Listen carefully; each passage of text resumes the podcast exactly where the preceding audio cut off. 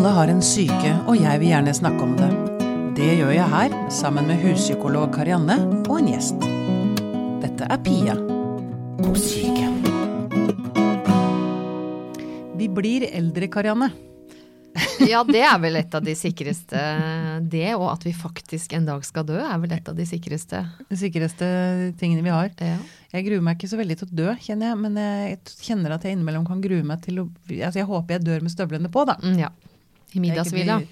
Hæ? Ja, i middagshvila med støvler på. Ja. Mm. Middagsvilla. aldri Ja, har du ikke aldri Nei, aldri Nei, jeg er fra Eiker, Øvre Eiker. Ja, Der sier vi, sier vi det. I middagsvilla. Ok. Okay. Ja, middagshvila, ja. Ikke Mm. middagvilla. Nei. Nei, da skjønner jeg. Mm.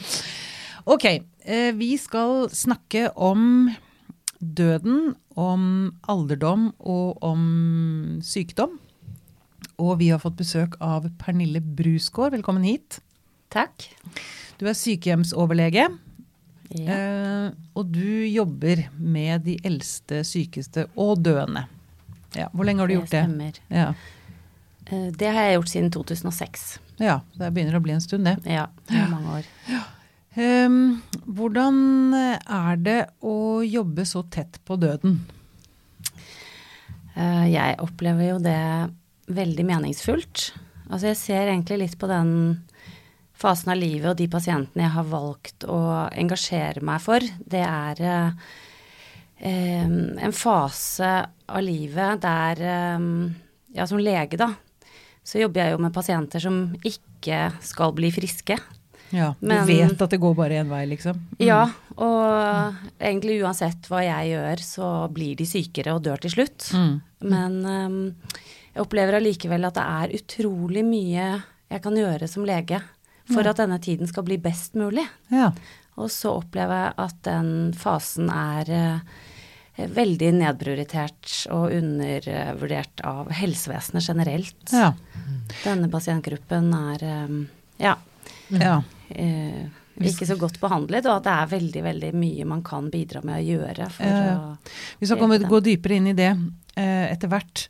Men ehm, døden er jo jeg holdt på å si, det, er, det er en viktig begivenhet. Det er jo holdt på å si, motsatsen, eller mye av det samme som fødselen. Altså det, er, det er jo de viktigste punktene i livet vårt på en eller annen mystisk måte, liksom. Em, hva tenker du rundt dette med å dø? Jeg regner med at du har sittet sammen med folk som har dødd. Mm, mm. Eh, hvordan opplever du det? Hvordan opplever du den begivenheten, får jeg nesten si da? Den, den er jo på en måte ganske forskjellig fra person til person, og, Mm. og liksom konstellasjonen og relasjonene rundt. Mm. Og allikevel er det mye som er likt. Altså eh, på sykehjemmet der jeg jobber, så jobber vi jo veldig mye med forberedelse til, den, til dette dødsøyeblikket. eh, med god informasjon, særlig til pårørende. Ja. Fordi at vi har jo veldig mange svært gamle, svært syke, Mm. mange pasienter med alvorlig demens. Så det er ikke alltid at de selv er så verbale eller aktive på en måte i kommunikasjonen opp mot dødsøyeblikket. Mm. Så derfor så blir pårørende så viktig for oss. Ja. At de er eh, trygge og informert om hva de kan forvente seg, hva som kommer til å skje, hvordan forløpet Liksom hvordan, hvordan det mest vanlige forløpet foregår, da. ja hva, hva forteller du til pårørende da? Hva er forløpet? Um, Forløpet heter det kanskje? ja, altså det er jo flere og flere mennesker i Norge som nå dør av demens. Mm -hmm. uh, og det er gjerne et litt svingende forløp. Det er ikke helt sjeldent at vi tror at folk er døende, og så går det tre dager, og så sitter de hos frisøren. Ok. Eh, Men det som skjer over tid, er allikevel at de gjerne trekker seg tilbake, mister interessen for ting de har vært engasjert i før, blir ikke så interessert i musikk eller å lese avisen eller i familien sin. Um, og så etter hvert så er det naturlig at man sover mer, spiser mindre, Mm. eh, ligger mer og mer til sengs, orker ikke etter hvert å stå opp i det hele tatt, blir sengeliggende. Slutter å spise, kanskje? Ja, og da går gjerne appetitten ned, og så langsomt så på en måte opphører liksom livet. Men det, det, kan, det kan noen ganger ta mange, mange måneder. Ja. Um, være ganske utfordrende for de pårørende å stå i. At Mm. man på en måte Det kalles jo også ventesorg. Ja. At uh, det tar så lang tid, og du går inn og ut av dette. Du tror at det, nå er det nærtstående, og så går det allikevel flere uker, og så Mm. går man litt tilbake til livet sitt igjen, og så sitter man allikevel ja, Det er en fase man går litt sånn inn og ut av, av sorg og Ja. håp, og så blir man litt glad når man plutselig kommer og ser at pasienten sitter oppe og smiler og, Ja. og er litt sånn til stede igjen, og så Mm. tenker man nei, nå går det bedre, men så er det egentlig allikevel denne dødsfasen Mm. eh, som foregår da, på en litt langsom måte. Mm. Og så går man inn i en, en komatøs fase, hvor Mm. man da ikke spiser eller drikker noen ting. Mm. Og da opphører jo etter hvert organene å virke. Opplever du, tenker du at pasienten da på en eller annen måte gir opp livet? At vedkommende liksom ønsker å slippe taket? Det er også veldig forskjellig. Jeg ser jo det at det er eh, Det er noen som er veldig avklart og på en måte hviler i den situasjonen. Det er gjerne forløp som foregår litt raskere, fredeligere. Okay. Det når pasienten selv er veldig avklart med at det er dette som skjer. Og så Mm. har vi innimellom pasienter som strever veldig, altså Ja. som er veldig redde for å slippe tak i livet. Som Mm. kjemper og kjemper og kjemper. Uh, og som er eh, redde og Mm.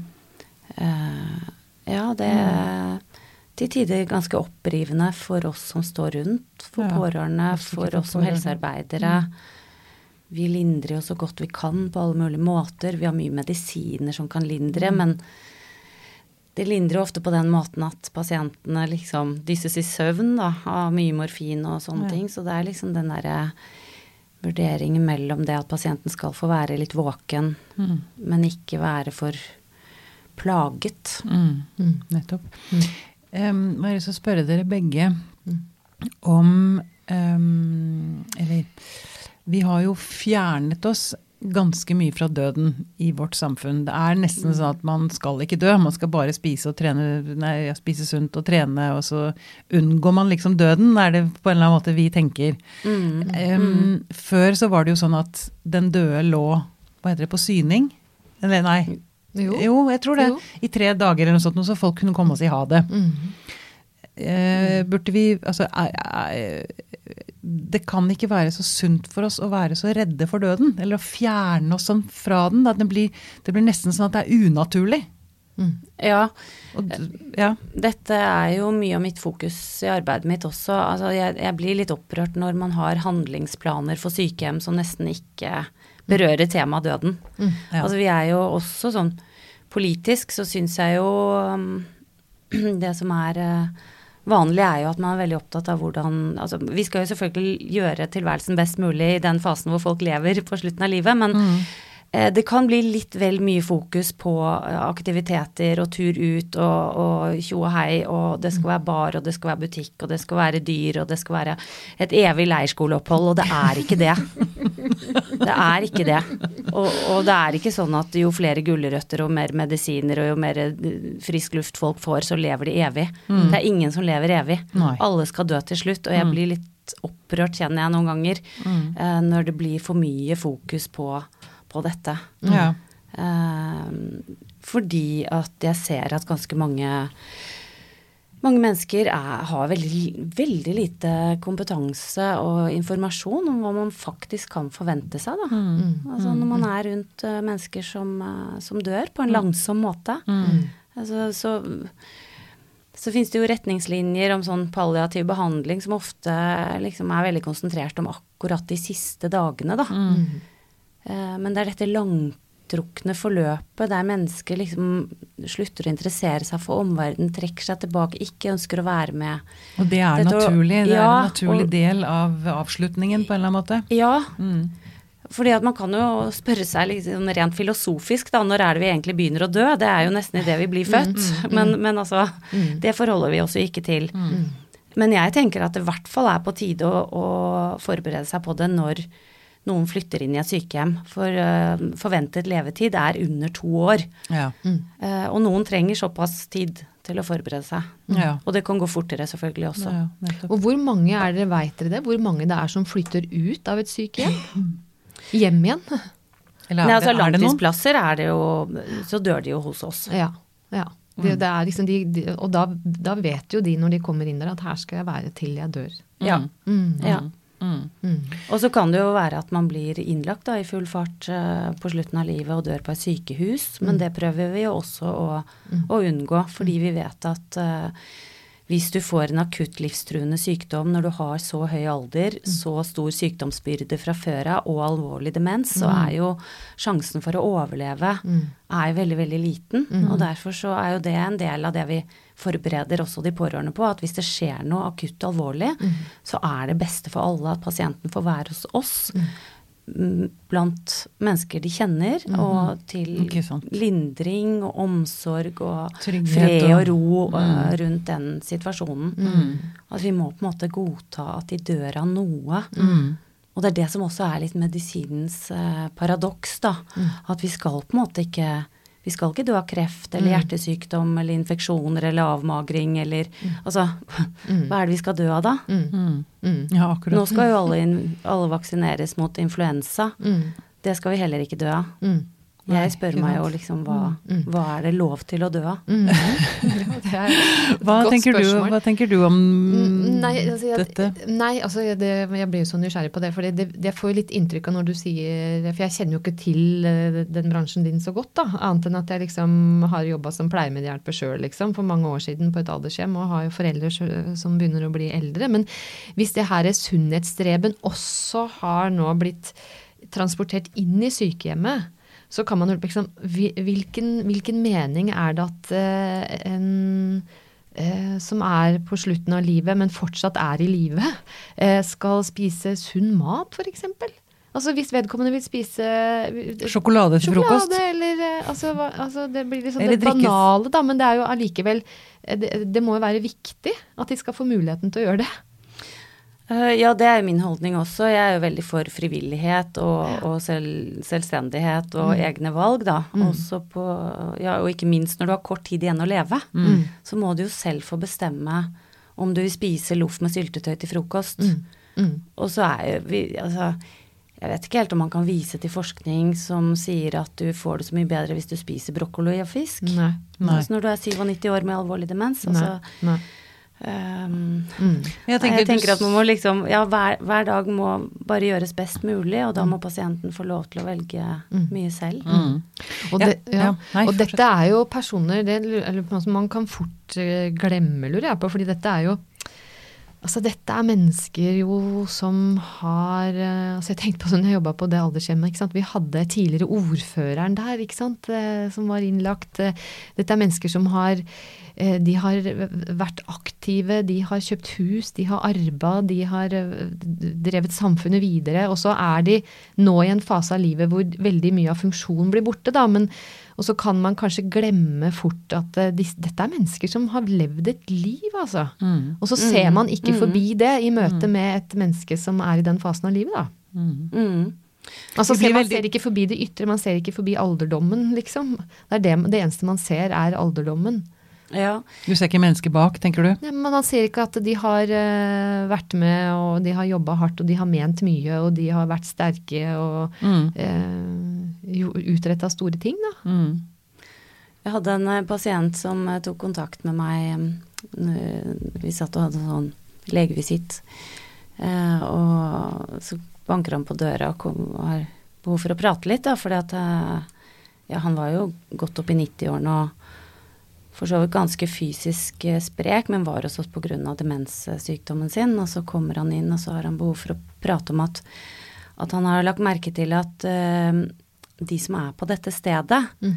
De er jo Enten så er de jo pasienter og veldig gamle, eller så jobber de her. Mm. Så han lurte egentlig på hva hans rolle var. Ja, veldig godt. For han hadde jo nettopp da vært direktør og hatt så mye viktige roller og stillinger, og han skjønte ikke helt Nei. liksom hva, hva han skulle gjøre der, da. Nei, ikke sant. Det er gøy. Så, så du har jo helt rett i det at det er, eh, ja, det er mange lange levde liv, men ehm,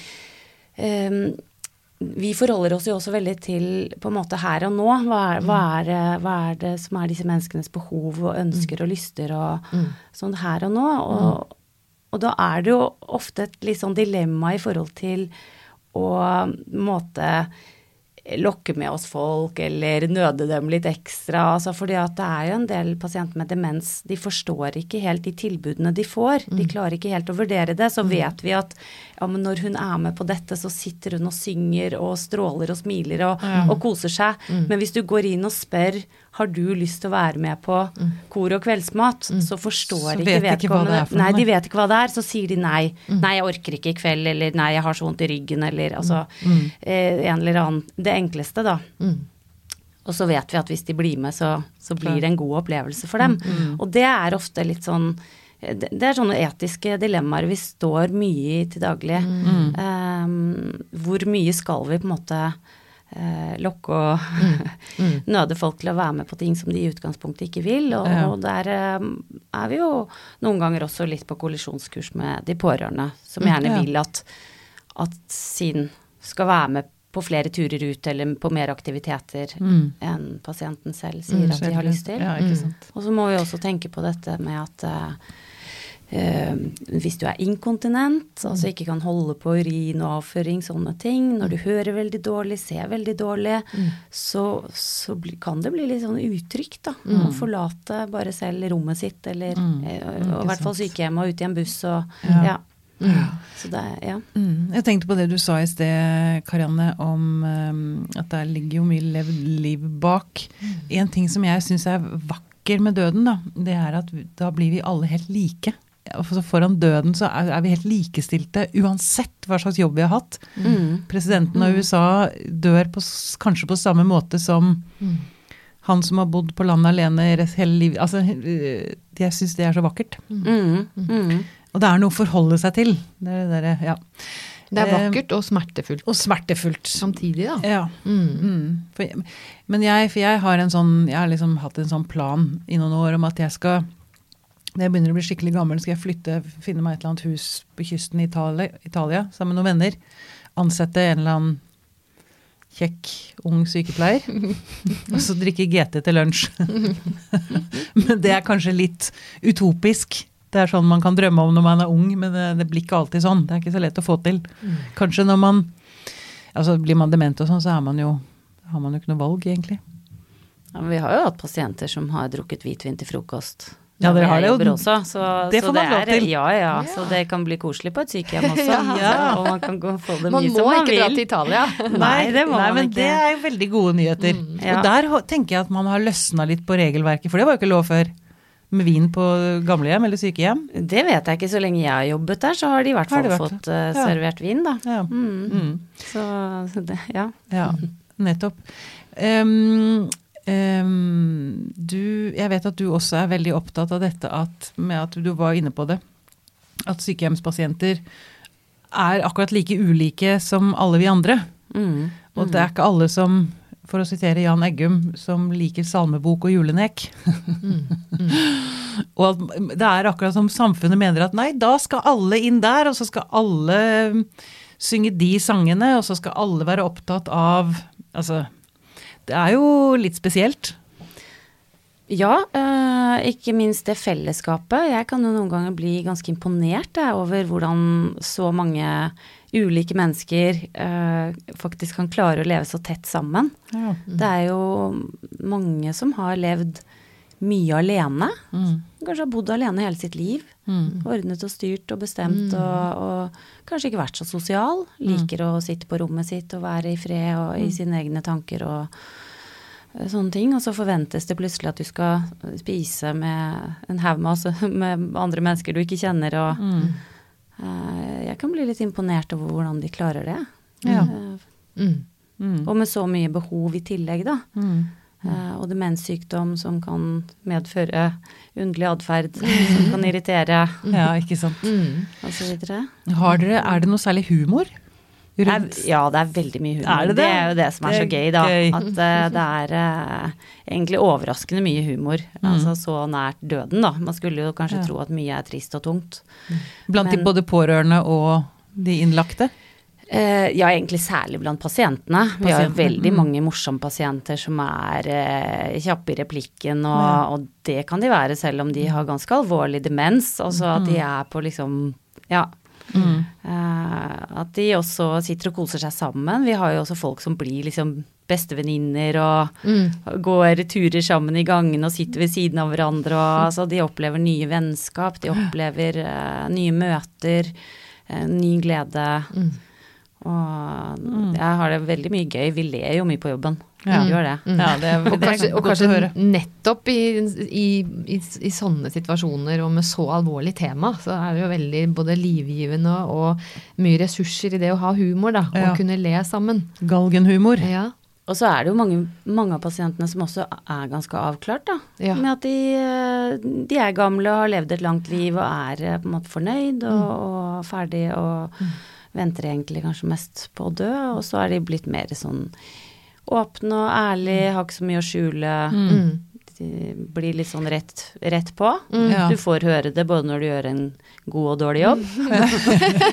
Men tror du det er det mange sånne samtaler sånn Foreldre som vil rydde opp med barna sine, altså enten avsløre hemmeligheter eller eller liksom få lov til å få, skape fred, da.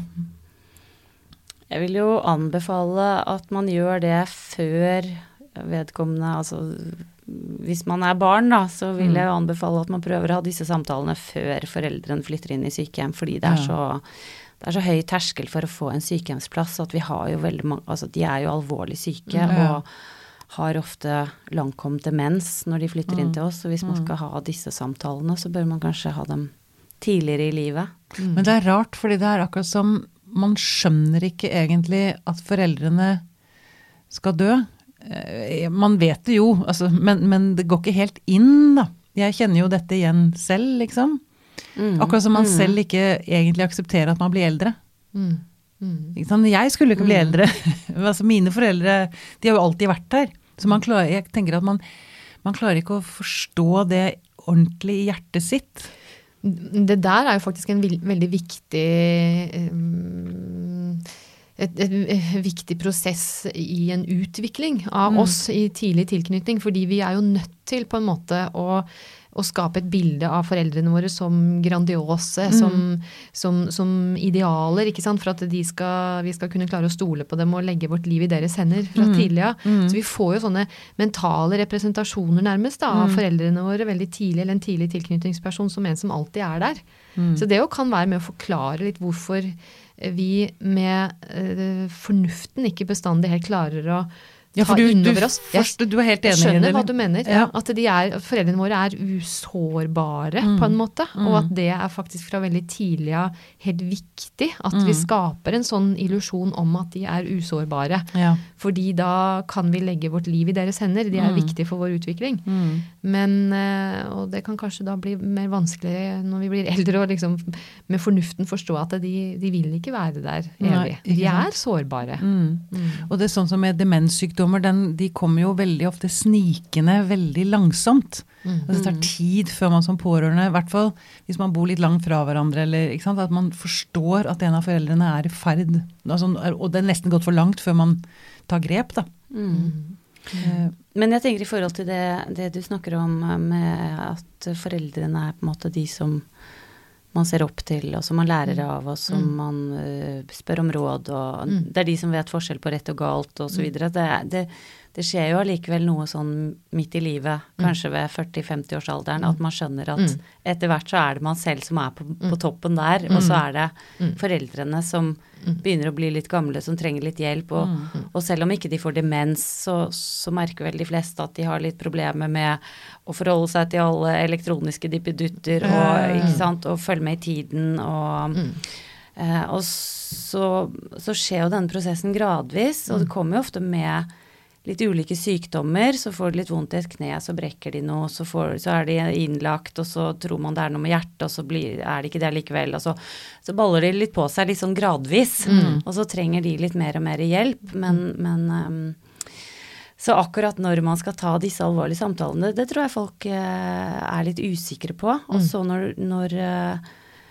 eh, de eldre da ender opp på et sykehjem, så er det ofte litt sent, tenker jeg. Mm. Om å ta de store oppgjørene, da. Ja, og det er faktisk et godt tips da til de som hører på, eh, som begynner å, som er i 40-50-årsalderen.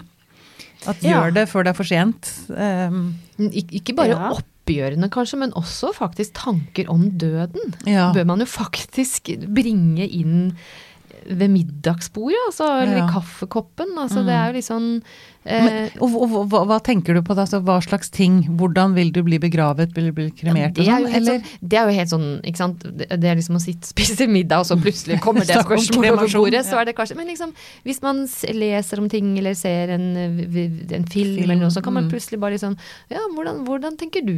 Hvor, hvor, hvordan- hvordan ser du Mm. for deg at livet skal bli etter døden? Mm, mm. Eller hvordan skulle du ønske at den siste tida di blei? Mm. Eller uh, har du noen tanker om liksom skulle, Hva slags sang hadde vært viktig for deg? Altså litt sånne helt sånn Mm. ufarlige, ganske konkrete, men også store eksistensielle spørsmål, da. Ja. Hva tenker Men- du om det, Pernille? Ja, jeg, jeg eh, eh, Samboeren min og jeg snakker mye om det, da. For, Ja. Altså på vår, for vår egen del. Eh, men jeg tror begge vi opplever at eh, foreldrene våre som på en måte er, er i fasen før Mm. eh, liksom at det blir alvorlig, og at de ordentlig nærmer seg, Mm. de er ikke så interessert i å snakke om dette nå. Mm. Så kanskje skulle man gjort det enda tidligere. Ja. For nå vil de gjerne tviholde på hvor utrolig spreke de er, og hvordan Ja. de fortsatt kan klatre på stiger og måke snø og, Mm. og, og plukke epler og ikke sant. Mm. De, er, veldig opptatt av alle aktiviteten de fortsatt er i gang med. Mm. Og viser vise at de fortsatt er unge. Ja, til Mm. tross for eh, litt sånn snikende sykdommer og vondter og innleggelser og ja. Mm.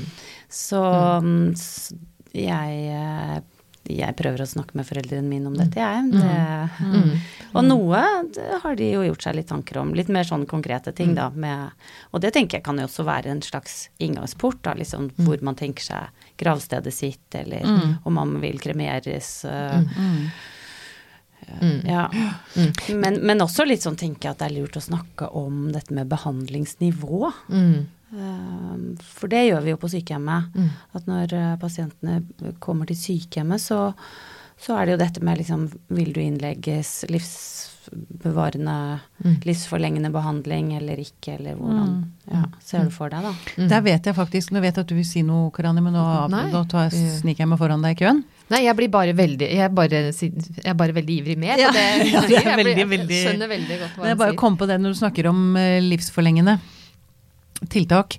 eh, Så har jeg snakket med eh, folk på min alder som har vært med foreldrene inn i døden, og som har angret veldig på at de har eh, tviholdt på livsforlengende eh, behandling når de vet at faren eller moren er så dårlig at det nesten er å plage dem. Mm. At de holder ut i to uker til. Liksom. Det er jo egentlig poengløst. Det er igjen dette med at livet skal vare lengst mulig, men skal det nå det på enhver, for enhver pris? Ja, altså mm, Jeg har jo egen erfaring med det. At min eh, bestemor, hun var eh, 88 da hun kom hjem fra en, en New York-tur. Um, og så da hadde hun pådratt seg en ganske uh, alvorlig lungebetennelse. Eh, og det var jo litt interessant, for da ble det diskutert i familien hvordan vi skulle håndtere dette. Hvor min far som er lege og jeg mente egentlig at vi kanskje skulle holde litt lav profil og se hva som skjedde, og Ja. ikke være så aktiv i forhold til den behandlingen. Og som hun hadde hatt så godt liv og var såpass sprek, men tross alt jo også hadde vært igjennom litt sykdom og inn og ut. Altså. Men øh, tenkte at det var en fin, fin måte å avslutte på. 88 år og vært i New York, liksom. Eh, og så var det jo uenighet om det i familien, så hun ble jo innlagt og intensivbehandlet og brakk lårhalsen og ble operert og ble dårlig og ble Altså endte jo opp tre år på et sykehjem.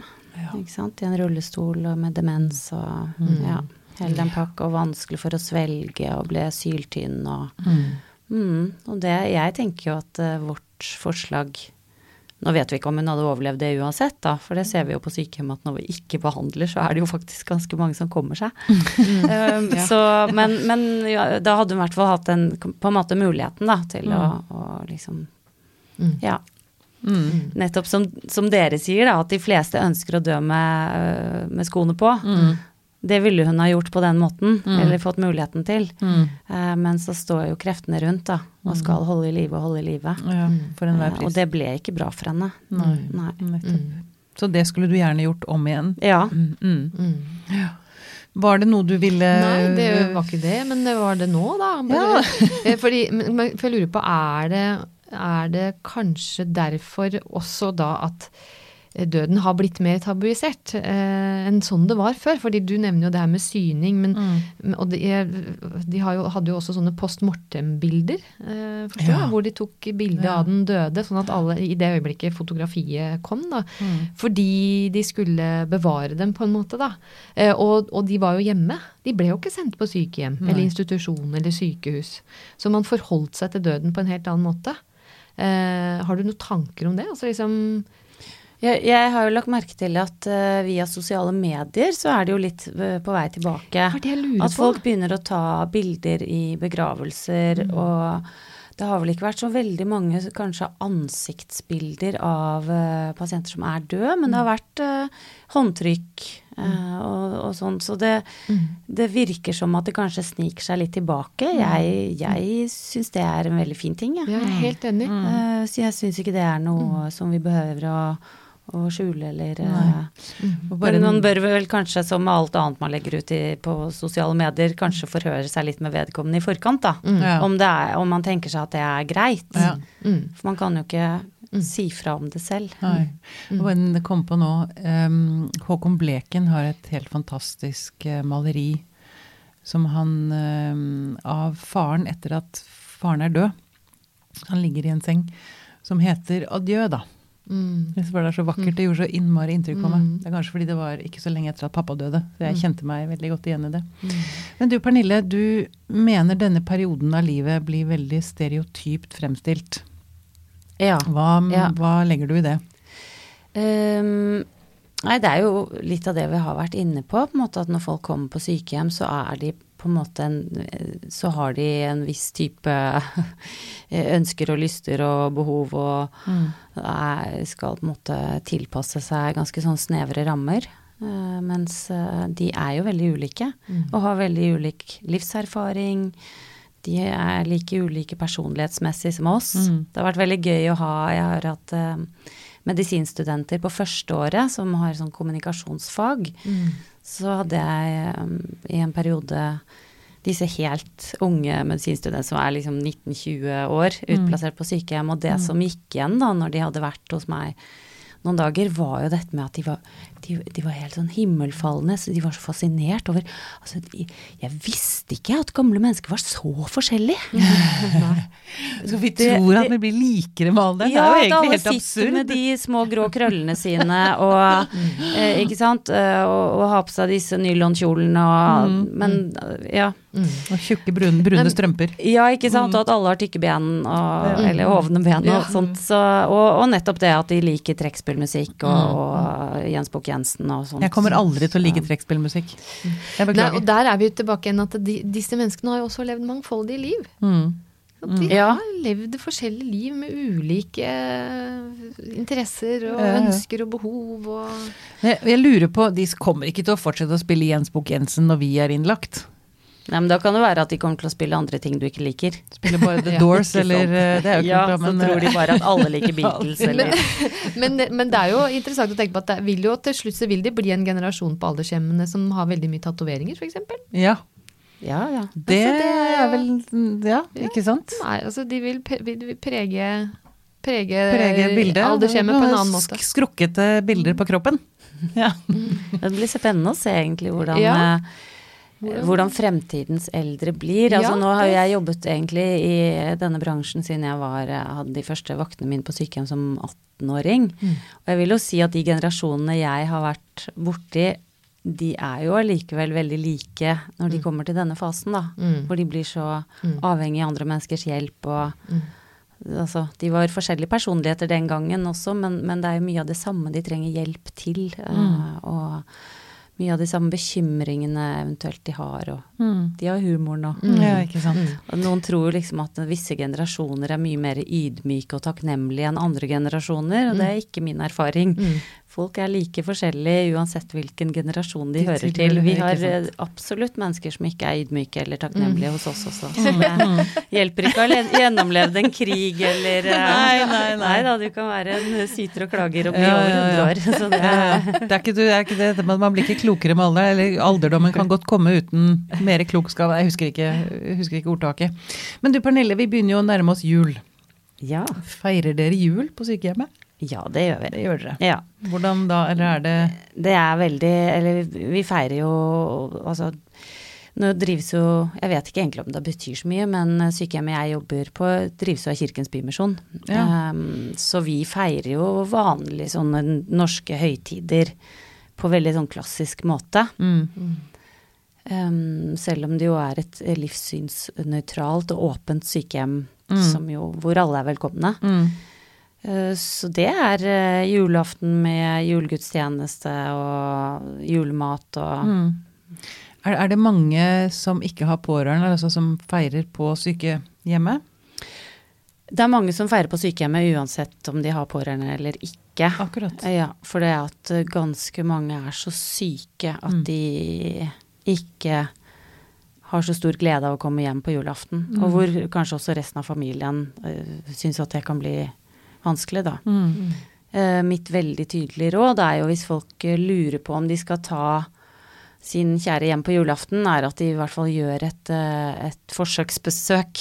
At det ikke er sånn at det er et år siden sist, men Ja. at, de, Mm. at de tar pasienten hjem en annen helg hvor ikke hele familien sitter stivpyntet med ribba i ovnen og er, har store for- forventninger, Ja, ikke sant. sant? Alle har høye forventninger, og så skjærer det seg. Mm. Så at man prøver å, å gjøre et sånt besøk i forkant, Ja. og se om pasienten blir veldig forvirret, engstelig, altså det kan skje ting. Mm. Det er jo dette med toalettbesøk og rullestoler og ja, Mm. det, som kan være litt utfordrende. Ja, Mm. Men ellers så feires det julaften på sykehjemmet, og veldig mange pårørende kommer til oss. Og så er de der på dagen, Mm. og så er det julemiddag og, og kos og sånn på sykehjemmet, og så Mm. reiser familiene hjem. Og det fungerer også egentlig overraskende bra. Så er ja. pasientene slitne Ja, når den sant, dagen er slutt. Da har de vært i full fres fra Mm. morgenstunden, liksom. Så Men det, hvis man har langt fremskreden demens, så er det vel Husker man jula, da? Husker man at det er jul?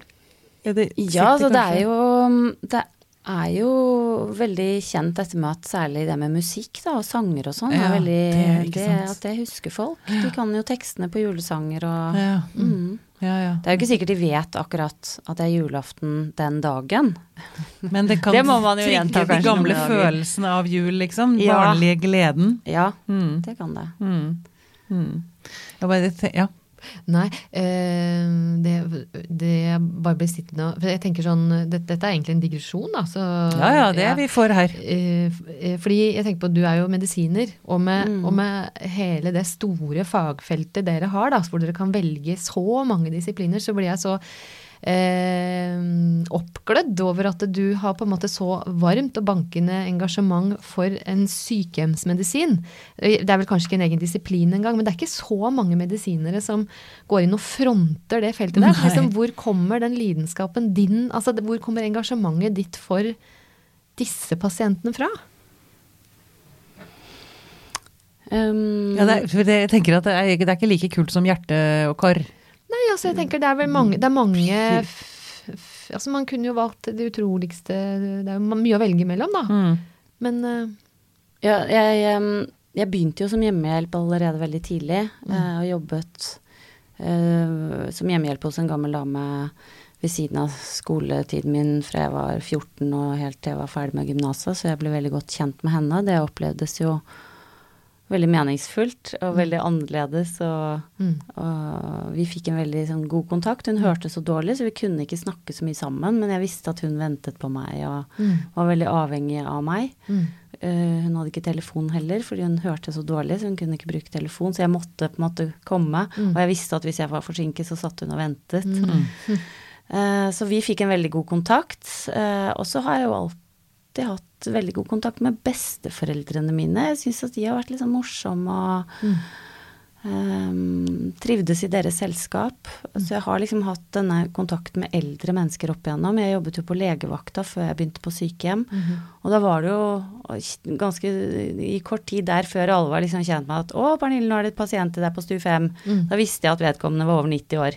Ja. For var liksom, var, jeg var den eneste som syntes at det var stas, da. Mm. Jeg, jeg syns uh, gamle mennesker er Jeg syns de er kule, da. Jeg, mm. jeg trives veldig godt med gamle folk. At de er mm. så ærlige og rett på og Ja, jeg syns liksom det er så mye av dem som er søtt, da, når de sitter med de litt sånn Uh, krokete fingrene sine og prøver å åpne disse små blusene og, og mm. holde litt fast på mm. fasaden og ta på seg litt leppestift, og det er, det er, så mye skjønt ved det. Ja.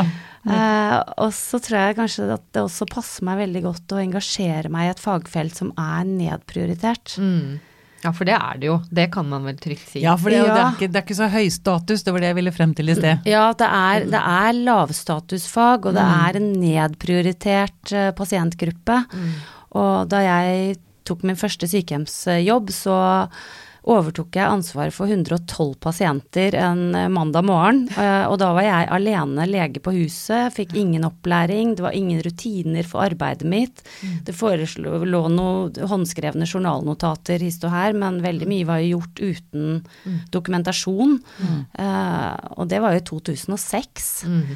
Så det, det sa jo veldig mye om hvordan vi forholdt oss til denne pasientgruppen. Det var ikke så farlig. Mm. Mm. Og det trigger jo engasjementet mitt da, ja, også. Ja. Det med at det liksom mm. Det skal ikke så mye til før, før man gjør en kjempeforskjell. Mm. Ikke sant.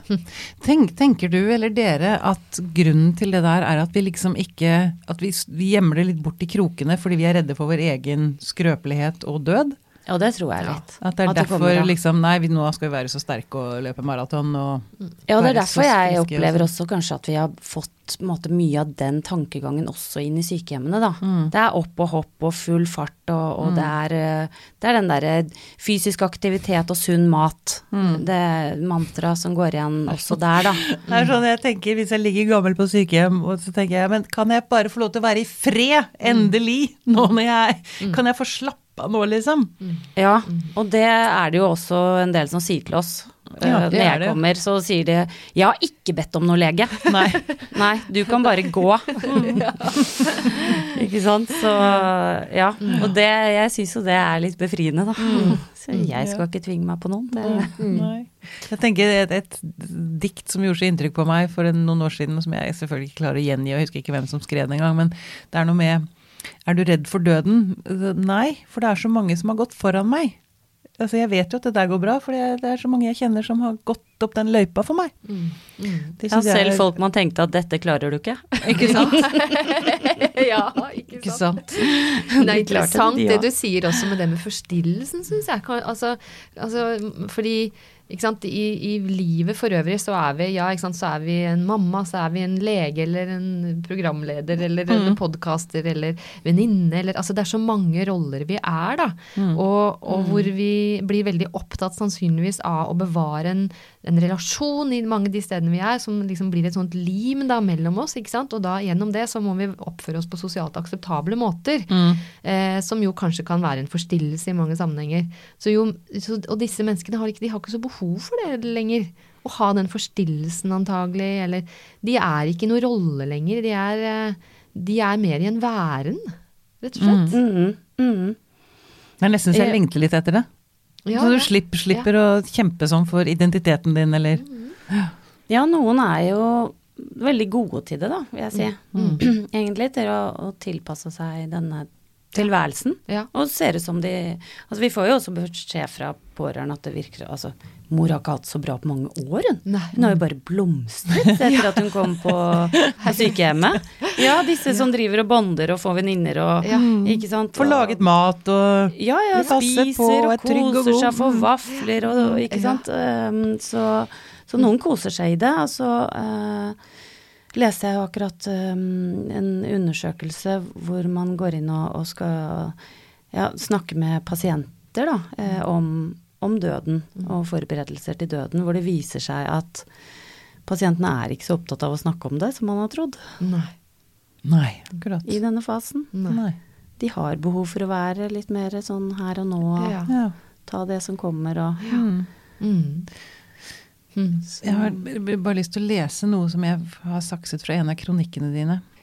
Um, situasjonen var avklart, og etter en rolig samtale med meg som sykehjemslegen, bøyde pasientens kone seg over sin mann i sengen, kysset ham forsiktig på pannen, så på ham med kjærlighet i blikket og sa Husker du, min elskede, at vi lovet hverandre at den som dør først, skal gjøre det med god samvittighet. Jeg synes det er så vakkert. Ja, da gråt jeg òg. Ja. ja. Jeg, ble så dypt rørt, og jeg visste det idet jeg leste den i sted. For jeg tenkte denne må, har jeg så lyst til å ta. Men dette opplevde det er du som har skrevet det. Ja, det er du som opplevde ja, det. ja, det var jeg som satt der.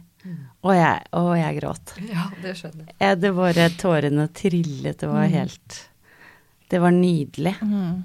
Og jeg tenker jo at det er mye det det handler om. Og det å klare å gi slipp. Mm.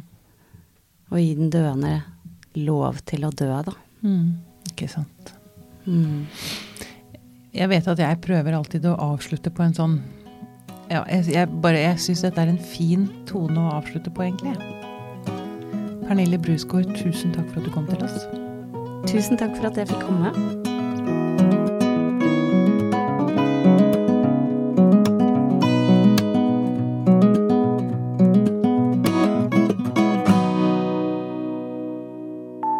Podkasten er produsert av Tid og Lyst. Med støtte fra stiftelsen Kåre Berg.